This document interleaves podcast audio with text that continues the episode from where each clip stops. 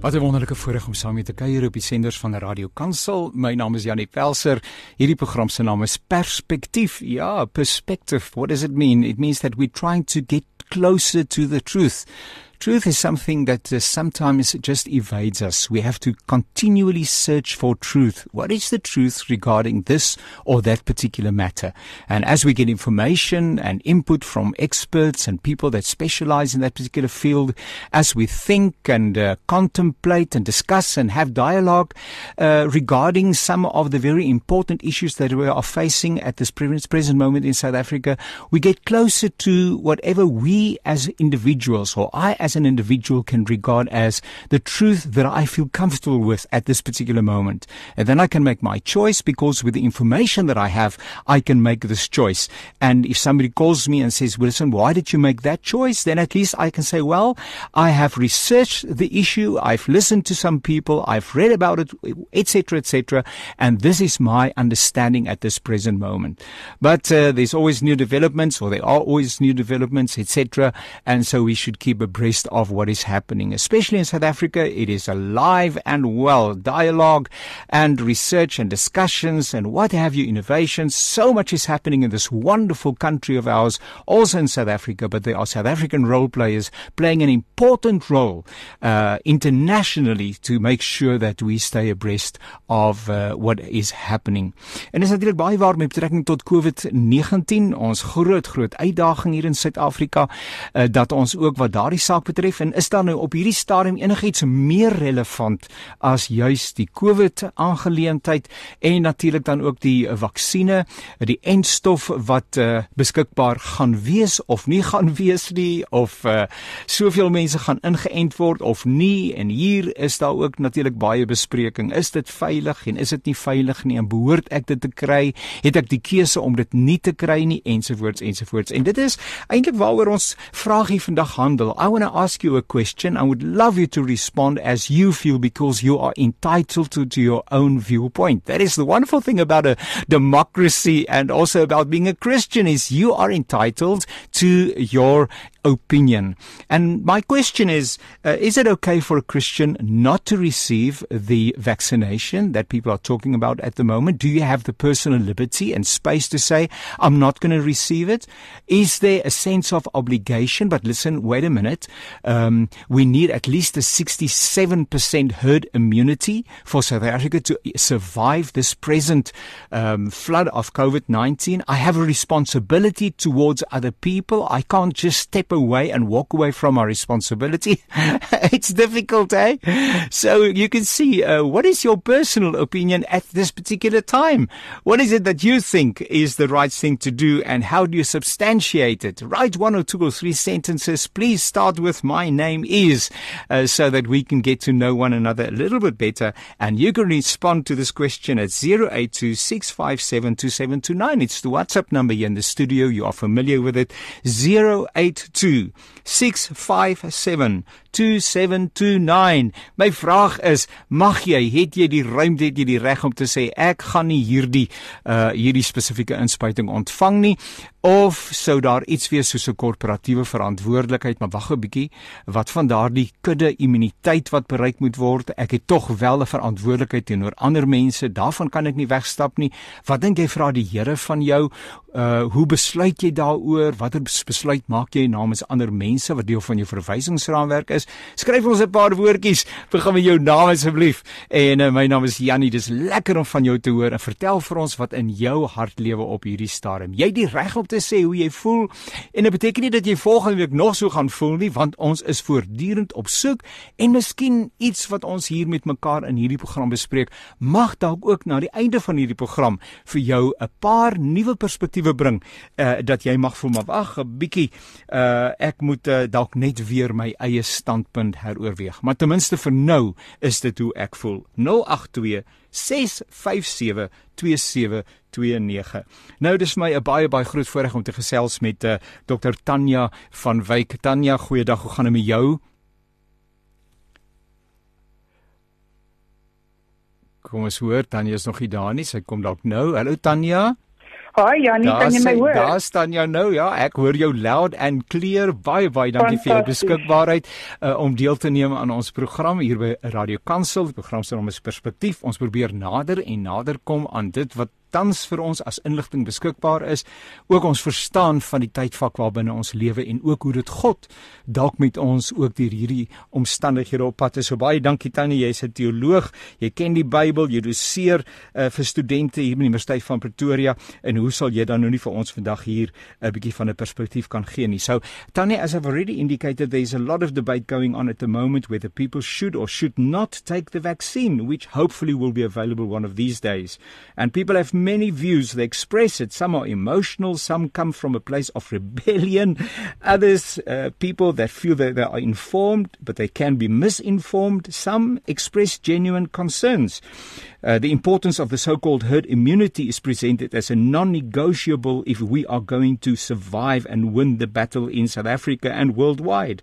So, my question, Tanya, this morning is Do individuals have a choice, also from a theological perspective, given the whole thing of herd immunity? What is it that God expects from us? And I know this is a difficult question to answer, but what is your understanding, please? Thank you, Yanni. Yes, uh, you really put it really well. It's a complicated uh, situation and it's very close to a lot of people's hearts and, of course, a lot of people's realities and livelihoods as well. So, to answer your question, yes, people do have a choice. Absolutely.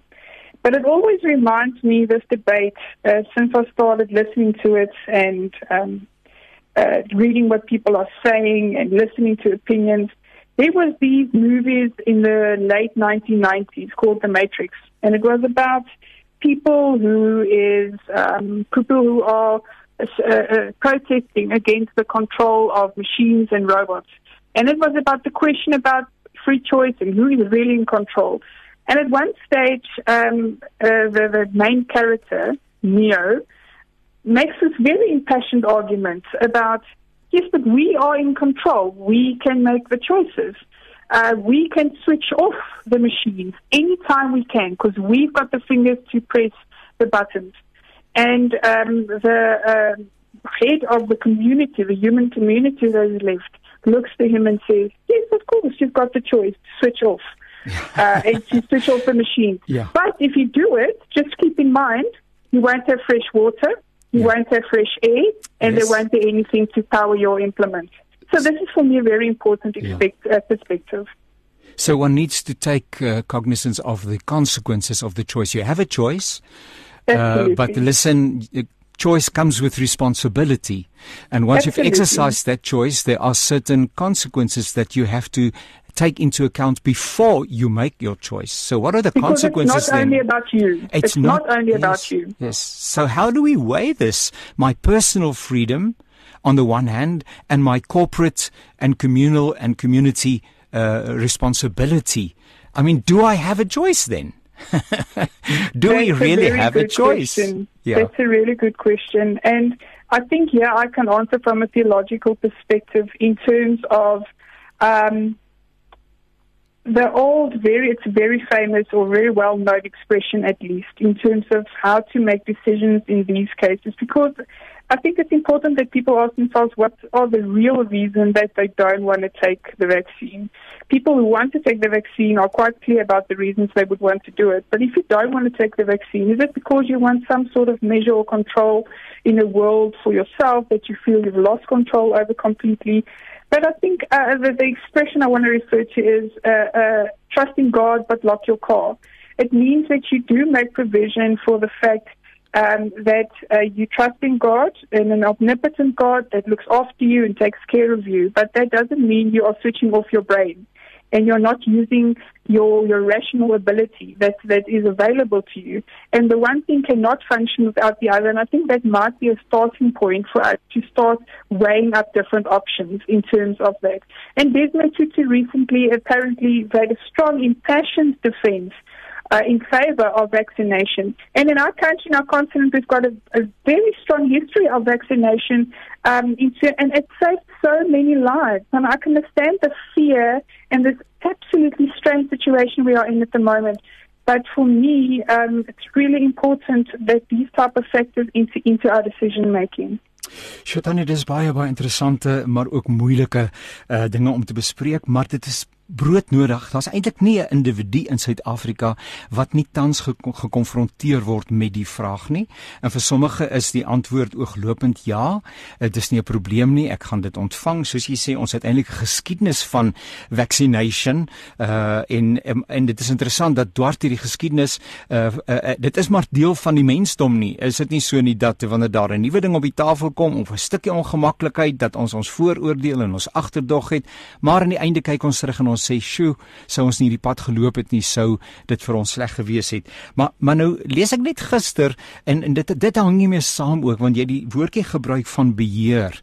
En dit voel tog vir 'n mens dat 'n mens begin om beheer in 'n sekere sin te verloor omdat jou jou privaatheid, jou individualiteit op 'n manier uh binne gedring word want die moontlikheid nou en dit het ek gister in die pers gelees van 'n sogenaamde noem dit maar 'n paspoort. 'n dokument wat inderdaad verklaar dat jy hierdie enstof ontvang het en wat deure vir jou sal oop en toesluit want uh, 'n werkgewer kan sê maar as jy nie geïmmuniseer is nie uh, kan ek jou nie uh, aanstel nie. Uh, ons weet reeds in internasionale reise kan jy nie beweeg sonder dat jy nie die geelkoors inspuitings en goeders ontvang het nie. Maar toenemend word jou leefwêreld ehm um, uh, in beslag geneem en word jou besluitneming weggeneem want jy word eintlik gedwing. Uh, daai daai ongemak wat hou aanvoel.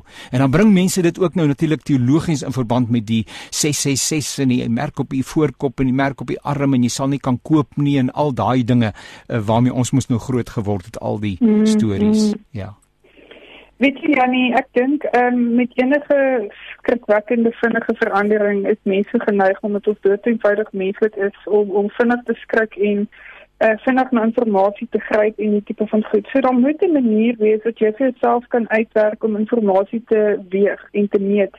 En ek wil sê ek dink ons moet waaksaam wees oor die regte tipe goed.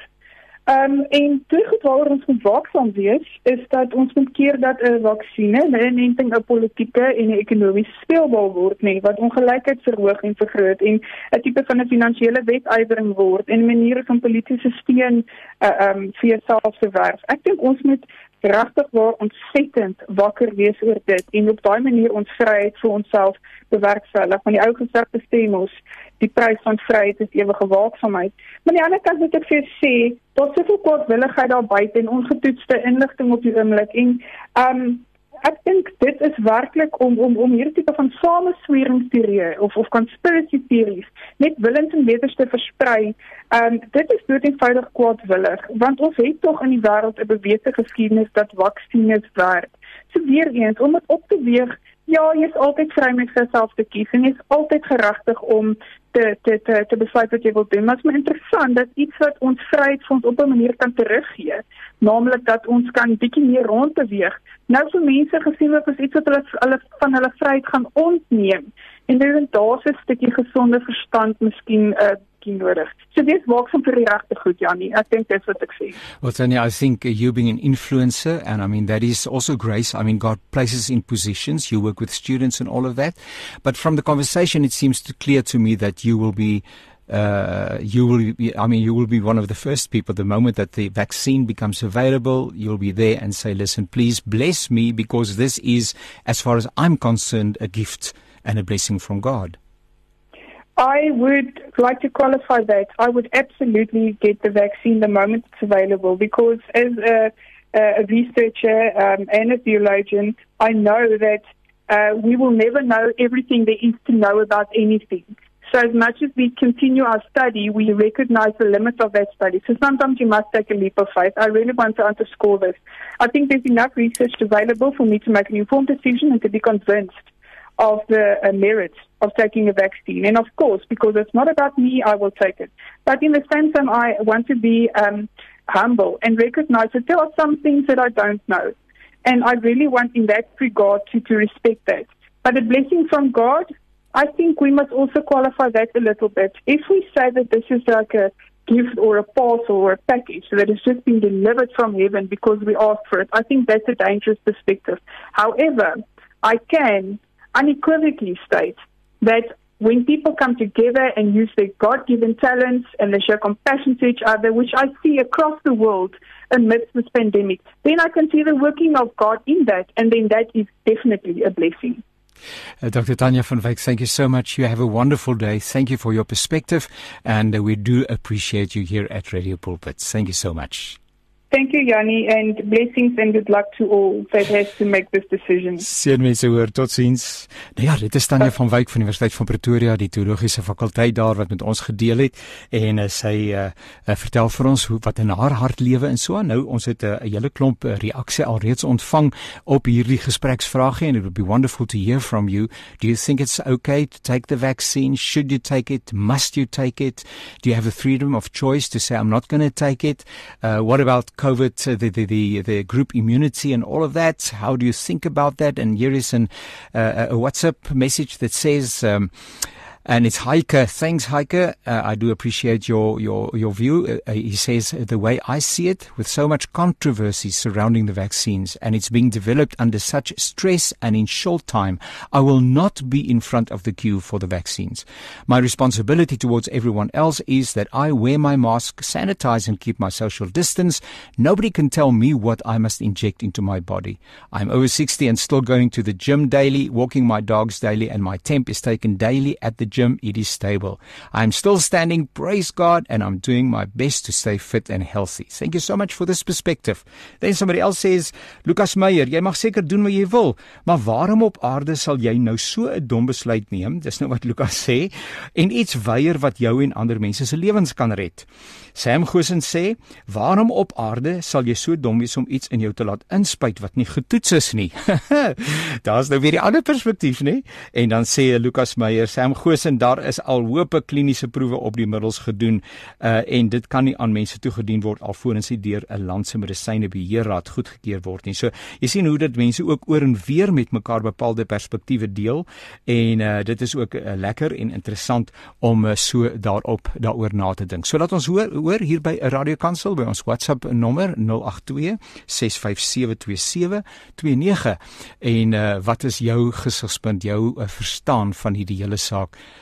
uh, is dit reg? Mag 'n mens moet 'n mens? Waar staan jy met betrekking tot jou eie persoonlike vryheid ook in die lig van dit wat Tanya met ons gedeel het? Dr Isak Burger is geen onbekende hier by Radio Kansel nie en uh, hy het so 'n baie baie sinvolle bydrae vanoggend om te lewer met betrekking tot hierdie hele hele vraag van moet ek moet ek nie? Is dit veilig? Wat van al hierdie teorieë wat na my kant toe kom? Ensovoorts ensovoorts waar vind ek myself binne hierdie hele proses kom ons luister wat Isak te sê het 'n kwessie waaroor ek die laaste paar weke feitelik daagliks navraag ontvang is die vraag of die veelbesproke anti-covid inentings reg of verkeerd is.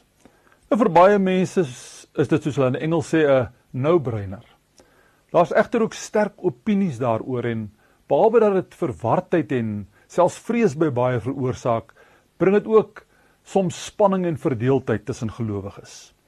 Ek wil graag die volgende uh oortuiging met jou deel en ek wil onmiddellik sê dit is my persoonlike mening en ek wil my ook nie voordoen as 'n gesaghebende oor die onderwerp nie. Trouwens ek reken dat dit een van die gevaarlikste tendense in die hele debat hieroor is dat mense wat nie kenners op die relevante wetenskaplike terreine is nie en soms ook nie 'n behoorlike teologiese fondasie het nie, onversetlik hulle oortuiging as die enigste moontlike en korrekte waarheid gee. Dit is natuurlik nie net Christene wat sterk standpunte hieroor het nie. Die laaste dekade of wat het daar 'n sterk anti-inenting sentiment onder 'n deel van die algemene publiek ontstaan. En daar's verskillende redes voor. Een is die mening dat die inentings ander potensiële en psigiese probleme, byvoorbeeld by kinders kan veroorsaak wat erger is as dit waarvoor hulle ingeënt is. Ander meen dat daar 'n sameswering tussen dokters en farmaseutiese maatskappye is en dat dit bloot deur geldsug gedryf word. Nog ander sien inentings as 'n geheime sameswering deur sekere duistere magte wat 'n sinistere agenda vir die mensdom het veral die Illuminati kom dan ter sprake. Feit is dat vroegtydige inentings teen verskillende gevreesde siektes oor die jare miljoene lewens gered en in sekere siektes basies heeltemal uitgewis het. Minstens 14 siektes stel hier onder onder andere waterpokkies en polio, masels en pompoentjies. Ongelukkig is die realiteit nou dat mense in kommerwekkende getalle aan die COVID-virus sterf. Baie daarvan is gelowiges, vriende en familie. Hierdie anti-inenting sentiment kry 'n verdere dimensie vir Christene deur daardeur sommige verkondig word dat eintlik die merk van die dier die 666 is en dat diegene wat die inenting ontvang hel toe sal gaan. Daar word ongelukkig uitsprake gemaak wat nie altyd op wetenskaplike feite en ook nie op goeie en verantwoordelike Bybelse eksegese berus nie. Die werk wat die Here in ons harte en ons lewens gedoen het, is nie meganies en met hande gedoen nie. Dis 'n besnydenis van die hart wat soos Kolossense 2 vers 11 sê, nie met hande verrig word nie. Persoonlik dink ek dis bietjie ver gesog om te sê dat 'n fisiese mediese handeling soos 'n inenting die werk van God in my lewe kan vernietig. Ek wil glo dat die meeste mense wat hierdie verskillende samesweringsteorieë propageer dit met nie met kwade bedoelings doen nie, maar 'n mens kan ook opreg wees en verkeerd wees. Opmerklik is dat diegene wat teen die inentings is, veelal van die internet gebruik maak en dan sekere kundiges se mening aanhaal. Onthou asseblief dat die internet alle menings en inligting bevat. Oor enige onderwerp sal jy inligting kry wat jou standpunt ondersteun, asook presies die teenoorgestelde. Elke ketter het sy letter, so het ons vroeër jare gesê. Die feit is egter dat die oorgrootste meerderheid hoog aangeskrewe viroloë en epidemioloë waarvan sommige uitnemende Christenwetenskaplikes is met integriteit en opregte bedoelings poog om 'n teenmiddel teen die COVID-19 virus te vind. 'n Verdagmaking en diskreditering van wetenskaplikes en die wetenskap in die algemeen is nie reg nie. Daar word by sommige algemene wantroue teen die wetenskap geskep. Ons moet onthou dat God en die wetenskap nie teenoor mekaar staan nie. Trouwens, die wetenskap is deel van God se algemene openbaring wat deels impliseer dat die mens as 'n rentmeester oor die skepping moet heers. Dit sluit sekerlik in dat dit wat wetenskaplikes kan doen om hierdie lewensvernietigende pandemie te stuit as goeie rentmeesterskap oor die skepping gesien moet word. Die feit dat baie van hierdie wetenskaplikes nie gelowiges is nie, maak geen verskil nie. God gebruik dikwels ook mense wat buitekant die koninkryk staan om van die buitekant af daaraan te bou. Dink maar aan koning Kores, 'n heidense koning wat deur God gebruik is om sy volk Israel weer in hulle eie land te hervestig. Vele Christene se lewens is al gered deur 'n ateïstiese mediese spesialis wat 'n delikate en gespesialiseerde operasie op hom of haar uitgevoer het. Ons moet ook eerlik en konsekwent wees in ons houding teenoor die wetenskap. Waarom aanvaar ons die seën en voordele van sommige wetenskaplike ontdekkings, maar is sinies en skepties oor die nuutste verwikkeling? Hierdie tendens is natuurlik nie nuut nie veral nie onder Christene nie. Baie van ons is nie goed onderlê in die wetenskap of die teologie nie. En is dikwels goed gelowig en selfs naïef. Nuwe verwikkelinge word dikwels met groot skeptisisme beheer. Met die uitsondering van die polio-enstof is feitelik elke ander voorkomende enstof oor die jare aanvanklik deur sommiges bevraagteken. So ook met ander ontwikkelinge. Daar was Christene wat met groot erns en opregtheid standpunt ingeneem het toe die eerste draadloos en daarna ook die televisie se opwagting gemaak het. Indien geen Christene geaffekteer of geïnfekteer is of gedood is deur die COVID-virus nie.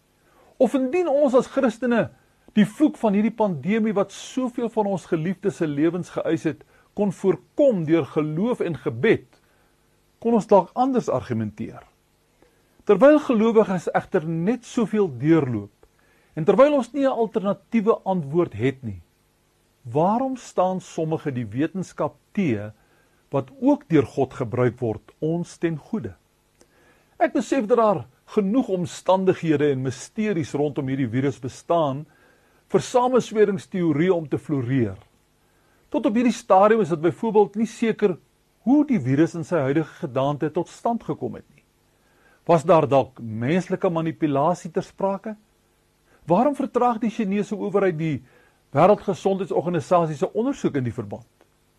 Maar selfs al sou daar iets sinister oor die ontstaan daarvan wees, moet daar sekerlik waardering wees vir diegene wat eerlik poog om hierdie vreemde en verwoestende pandemie op te slaan. Ek wil vra dat ons ruimte sal maak vir mekaar se sieninge. Alleen die toekoms sal uitwys wie en wat was reg en wie was verkeerd. Dalk steek daar iets in sommige van die samesweringsteorieë. Dalk is daar 'n geheimsinnige en bose koalisie wat alles georkestreer het. Dalk nie. My versoek is dat ons akkommoderend teenoor mekaar sal wees soos wat Paulus in Romeine 14 vers 1 tot 6 was toe hy die verskillende opinies in die gemeente van Rome moes adresseer. Daar het dit oor die eet al dan nie van sekere kossoorte en die onderhouding van die dag van die Here gegaan. Sy konklusie in vers 5 was laat elkeen in sy eie gemoed ten volle oortuig wees. Met ander woorde, laat elkeen vir homself besluit. Moet dus nie deur elke mening en nuwe lering meegesleer word nie. God het ons elkeen ons eie verstand en logika gegee. Gebruik dit. Doen self bietjie objektiewe navorsing. Niemand sal gedwing word om nie inenting te neem nie. Maak jou eie weldeurdagte en ingeligte besluit. Moet ook nie die rol van die Heilige Gees wat in ons woon uitsluit nie. Na alles het ons steeds die versekering dat niks ons uit die hand van die Here sal kan ruk nie. Dood of lewe, niks kan ons skei van die liefde van God nie. Baie sterkte vir jou in genade en mag jy deur die Here op 'n besondere manier in hierdie saak ook gelei word. Indien jy die volledige uh skriftelike dokument graag onder oë sou wou hê of dit wil aflaai, is beskikbaar op my uh webwerf. Gaan net na isaacburger.co.za en jy's welkom dit te gebruik na goeddinke. Sterkte en seën. Jou nommer 1 Christelike radiostasie, Radio Kansel, 657 AM. Baie baie dankie Dr. Isak en is 'n pragtige gebalanseerde en 'n simpatieke aanbieding waarna ons uh, uh met genot geluister het met belangstelling uh die manier waarop uh, uh Dr. Isak Burger dit hier verwoord. Nou die interessante is dat ek sopas hier 'n boodskapie ontvang het uh van iemand en ons waardeer, ons waardeer absoluut u deelname. Baie baie dankie daarvoor. Nou die die interessante is dat hierdie is 'n dokument wat sê importantly National Institute of Health has cleared ivermectin for use in the treatment of persons with COVID-19 in US. So now, uh, Presidency ZA, Dr. Zweli Mkize and Professor Abdul Karim really have no choice. Imagine if it stops the pandemic in its tracks, red faces all around. Now, can I just respond to this? Uh, and uh, yes, um, Number one, if it has been approved in the US, it's not South Africa, so we need to take that into account. Number two is I immediately went onto uh, uh my search engine and I asked the question, is ivermectin because you'll know that there's a lot of discussion going on at the moment about this particular drug and its effectiveness or ineffectiveness to treat uh, COVID-19. And I posed the question on Google and it simply said, has the National Institute of Health cleared ivermectin? Because that would be the question. I mean, it's not no use for us to. It's interesting if the US, uh, uh, the USA has uh, indeed cleared the use. I'm not sure. I haven't checked this, but at least in South Africa, what is the situation in South Africa? And it's very clear from five days ago that up to this particular t- time, uh, this particular drug has not been approved for use in South Africa. So my my question's just, and I know that we are eager to find a solution to this pandemic All of us are eager because we see people are infected, we see people struggle and they suffer. It's people close to us that are dying. It comes right into our circle of reference. We've never been confronted with death to such an extent as it is at the, at the present moment. And we are eager to find a solution uh, to this particular problem.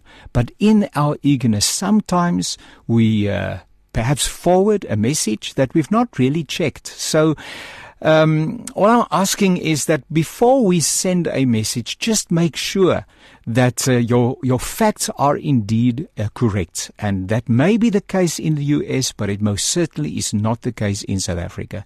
So, is there a conspiracy? Um, because this is the way that we think sometimes. Well, there must be some kind of conspiracy to keep this from people. Why would people have that conspiracy? Why would uh, uh, uh, researchers? I've spoken to so many South African researchers during the past couple of weeks on programs at Radio Pulpit. So why would they be in unity, in unison with one another to keep something that is good from the public simply for what other agenda? For what agenda? So are everybody lied to? Are everybody being taken for a ride? No, I think just thinking about the situation, we should realize that also in South Africa, before a drug is allowed for consumption and for use, it has to go through a very, very difficult screening process, scrutiny process. And it certainly is true of the, uh, of the antidote or the, the, the, vaccine for COVID-19. So by the time that we do receive that particular uh, vaccine, you can be sure that it has gone through all the different different uh, uh, avenues and so on. But thank you for this particular ins- insert, this uh, message that you've sent. It certainly gives us something to think about. But at the moment in South Africa, and for good reasons, this particular drug has not been okayed. Nevertheless, and in spite of what people may be saying, somebody says, uh, "Can you send me uh, something about the Bible program?" And then kan ek asseblief selnommer kry van wie nou net gepraat het, van die dame wat nou net gepraat het. Dit is uh, Tanya uh, van Wyk, sy is by Universiteit van Pretoria. Ek kom as sommer net Universiteit Pretoria skakel die teologiese fakulteit en daar met haar gesels. So ons uh, is nou bevoorreg om te gesels met uh, professor Dirk Kotse en uh, dis 'n voorreg professor goeiemôre gaan dit goed met u Goeiemôre baie dankie. Ja. Dis dan vir jou 'n interessante wêreld hierdie. En daar's soveel dinge aan die gebeur nê en van oomblik tot oomblik is mense se verbeelding aan die werk soos nou net die inset wat ek nou ontvang het by iemand wat dit reg en goed bedoel en sê maar nou in die FSA is nou hierdie spesifieke uh middel die ivermectin is nou daar goedgekeur en nou in Suid-Afrika en almal moet nou rooi gesig wees. Nou ja, dit is nou maar ons is almal ons is ywerig om 'n uitkoms te kry vir hierdie bepaalde saak, nie waar nie? Ja, nee, dit is definitief so. Ek dink wel dit raak natuurlik ons almal, dit raak nie net Suid-Afrikaners nie, dis reg oor die wêreld wat dit 'n uh, eh, waarskynlik die belangrikste vraagstuk op die oomblik is verlede jaar al reeds gewees. So dit is 'n uh, dit het werklik 'n internasionale vraagstuk geword en 'n uh, uh, oogmerk om om dit te kan aanspreek. En vir watter land ook al te sprake is of dit Suid-Afrika is en of dit Amerika is en Britannia, Japan, enige land uiteindelik gaan as daar nie 'n internasionale uh, oplossing is nie, ehm um, gaan die individuele lande nie hulle eie oplossings kan regtig aanspreek nie. En dink maar byvoorbeeld aan internasionale uh, reise, net toerisme, die uh, lugdienste. En dit is die kontak tussen die verskillende lande wat uh, maak dat alle lande uiteindelik op dieselfde golflengte moet wees.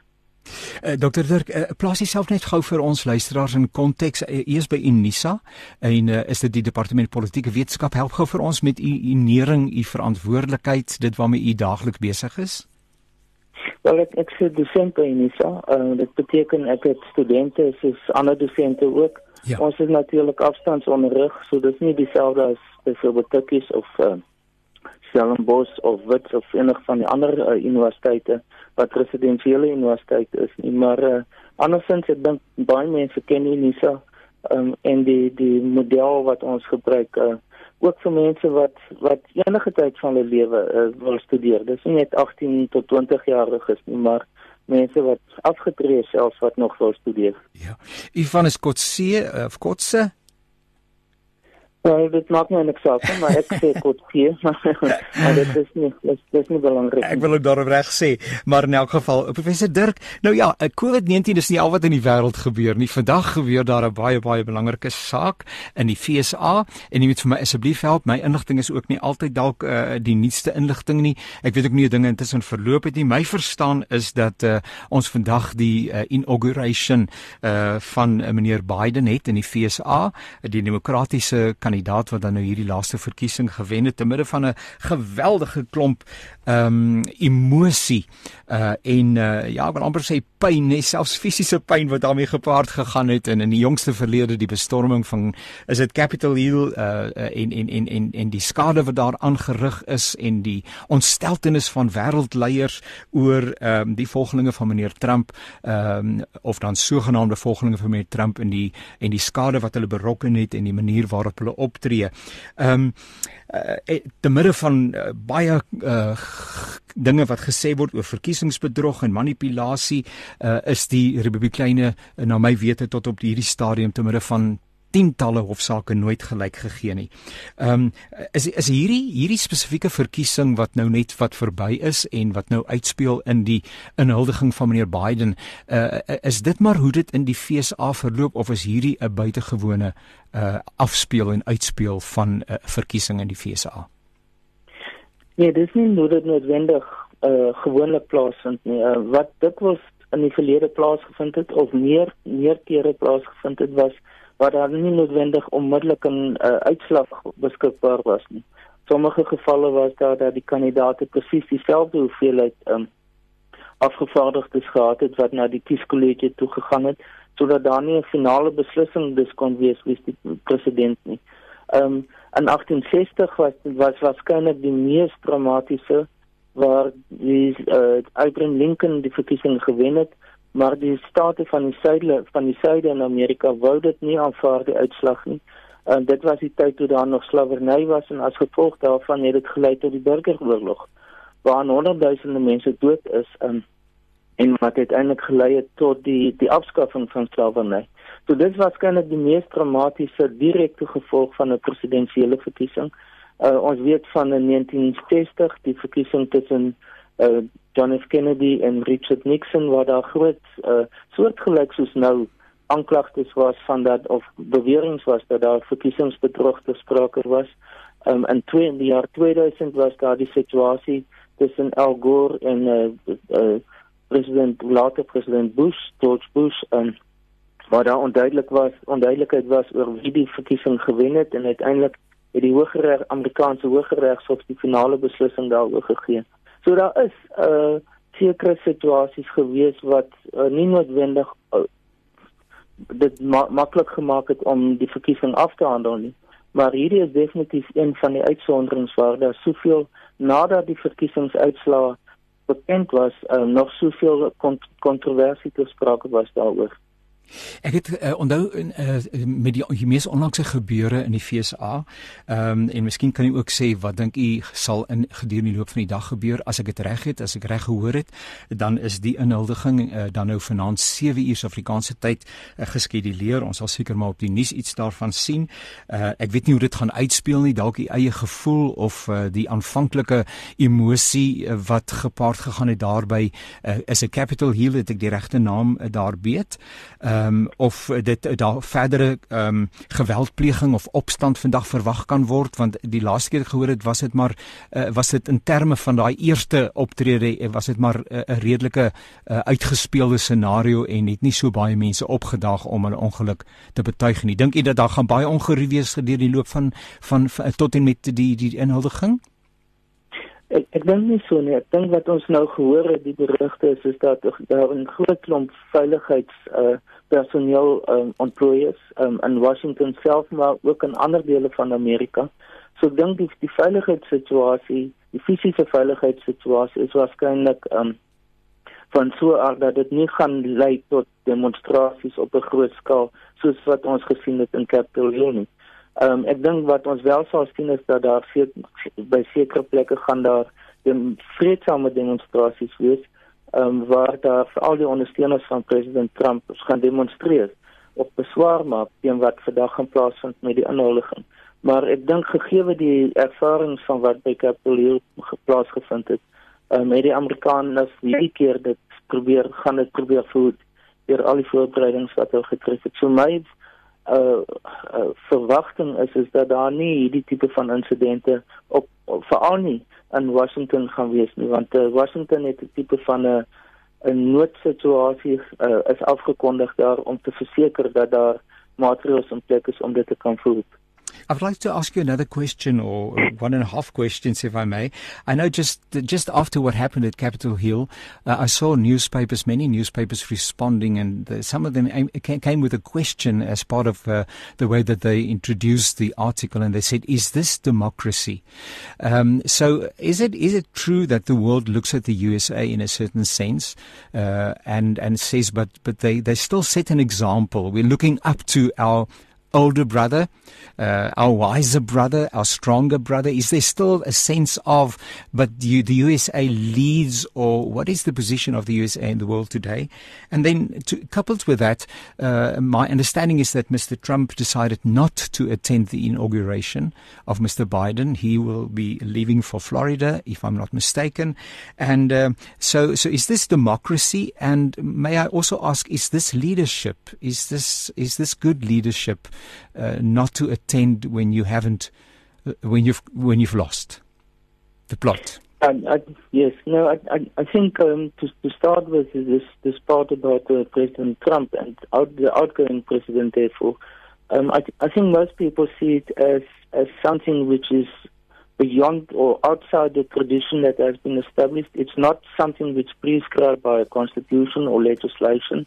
Uh, but it's a lot of traditions. Uh, in most countries, when it comes to, for example, a transfer of power, like what we are seeing now, inaugurations, ceremonies, then there's a lot of traditions um, involved. And uh, he is, and it's in a sense, I think it is uh, part of his persona is that he says he doesn't want to follow tradition. He doesn't want to follow the traditions of the political elites of the past. He wants to be someone completely different. He wants to break with traditions. Um, he wants to have an, a new beginning in terms of political practices um, in, in the U.S. So I think, in a sense, it's consistent with that message that he already had in, in 2016 when he was elected um, as, as president. Um, about the, you know, the U.S. as a leader in democracy, yes, it is certainly one of the countries that are regarded of as as one of the the older democracies in the country, although strictly speaking, you know, it's almost ironic that only in 1964, 65, they gave full voting rights to the black part of the American population. Um, before that, they did have officially um, electoral or voting rights, but there were so many pro, uh, uh, uh, hindrances or prohibitions that it made it almost impossible for them to exercise that. So, in a sense, it's an old democracy, but in the other sense, it's a young democracy. But compare it with most of the European democracies, uh, democracies like like now Japan also. Um, these are examples that's been used, um, and I think more moreover, it is also the idea that democracy is exported, so-called exported from these countries to, to new democracies like in Latin America and Africa and Asia and others. Yeah. Uh, therefore, it's a bad reflection on them if these type of practices are happening, because in a sense they must set an, a norm or an example of what democracy means. And if new, newer democracies are seeing this, then they can start to say, but if that is sort of toler- can be tolerated in the U.S., then why complain about if it happens in our countries?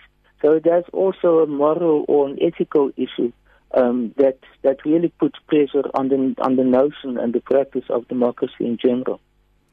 Nou uh, ek ek is nog om meneer Trump um, en mense sê maar die era is nou verby en ons gaan nou daarby kom maar uh, maar meneer Trump en sy persoon het net soveel spasie opgeneem uh, gedurende die afgelope paar jaar dat 'n ou nie so maklik van hom afskeid neem nie. Ehm um, en ten spyte daarvan dat hy dan nou nie hierdie spesifieke verkiesing weer as die aangewese kandidaat na vore getree het nie, uh, het hy substansiële en geniet hy waarskynlik steeds substansiële ondersteuning. Ehm Ehm um, wat is dit van meneer Trump wat wie aanspreek eh, dat daar ten spyte van baie negatiewe kritiek en wat 'n mens sou kon oordeel moontlik karakterflaters of karaktertekortkominge is daar tog nog mense is wat uh, ek wil amper sê hulle lewe sal gee vir vir hom en vir dit waarvoor hy staan Ja, ek dink hy spreek 'n tendens aan wat nie net in Amerika plaasvind nie, maar baie ander dele van die wêreld. Um, ons sien dit in veral in Europese en Oos-Europese lande, in Turkye, in Filippyne en Brasilië en selfs in dele in Suid-Afrika kan mense sê is sommige aspekte daarvan teenwoordig. Ehm um, dit gaan dit het te maak met groot globale veranderings wat plaasvind byvoorbeeld in die werksituasie.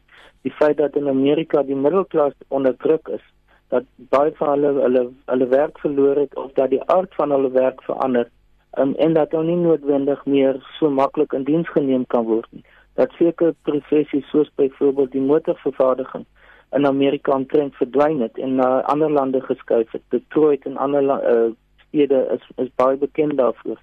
Die feit dat daar grootskaalse uh, um, in, inkoming is van um, persone uit uit Latyn-Amerika, die sogenaamde Hispanics. Ehm um, dit plaas druk op sommige Amerikaners wat voel dat hulle hulle Amerikaanse kultuur of tradisies dat dit onderdruk is die gebruik van Engels dat Spaans begin meer prominent word. Ehm um, die feit dat daar 'n gevoel is is dat globalisering besig is om uh, sektore soos byvoorbeeld die landbousektor onder druk te plaas en dat die kompetisie wat uit lande soos China kom on, 'n ongelyke speelveld skep vir hulle. So dit alles skep uh gruwe. Dit skep 'n uh, gevoel van maar die die ons situasie is nie meer soos wat dit 20, 30 jaar gelede was tot voordeel van ons nie. En dat die politieke elite in 'n sekere sin nie aandag gee daaraan nie, dat daar 'n verwydering tussen die politieke elite en die gewone persone plaasgevind het. En en dis die populisme wat of die die gronde vir populisme van waarvan gepraat word in Amerika en wat president Trump dan probeer eksploiteer het. Maar ook in lande soos Hongarye en Turkye um, en in uh, Brasilië en baie ander lande ook gespreek is. So ek dink die die die groot vraag dis gaan wees is hoe gaan iemand soos president Biden hierdie tipe van sosiale en ekonomiese tendense wat globale tendense is kan aanspreek aan die Amerikaanse situasie en ek dink dit gaan sy groot uitdaging vorentoe wees.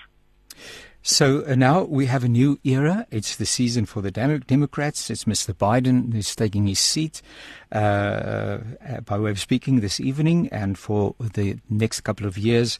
Um, what can we expect in South Africa in terms of our bilateral uh, relationship?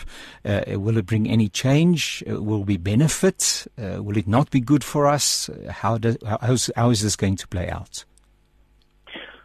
I, I think South Africa is not going to benefit directly and immediately. Um, it's going to be indirect um, in the sense that the U.S. is under Biden is going to promote again the idea of multilateral cooperation. South Africa is involved in quite a number of them. For example, the G20, the top 20 economies in the world, plus South Africa and a few others. There, it's it's a basis, it's a forum where South Africa can in, directly interact with the main uh, powers in, in the world, which include the U.S. Uh, at the level of, for example, the World Health Organization, there's all the expectations are that uh, President Biden will take back the U.S. to the World Health Organization. He will take, take the U.S. back to the climate change agreement, the Paris Agreement, and South Africa is quite prominent in that in order to promote uh, renewable energy and not only for South Africa but for the African continent and the developing world in general because it has quite negative effects the, the changes in, in climate um, and the weather uh, in agricultural sense and, and many other senses also. So it's, it's in the, then uh, the U.S. is very much involved in South Africa's uh, program on dealing with HIV/AIDS. Um, the U.S. over a number of years now funded a lot of that. Um, and that pro- program, I think, is going to, well, the expectation is that that will continue. Um, and that's one of the areas where a lot of credit should be given to the U.S. for their support in that respect after the Mbeki years. Um, and uh, but otherwise, I think Africa in general, South Africa also, is not a, one of the main priorities of the U.S., whether it's a Republican or Democratic uh, president. Um, so we are more, therefore, indirectly being affected by aspects like international trade or by U.S. involvement in specific aspects. Where there might be a more direct, it yet. Um, is with respect to the security situation in northern Mozambique.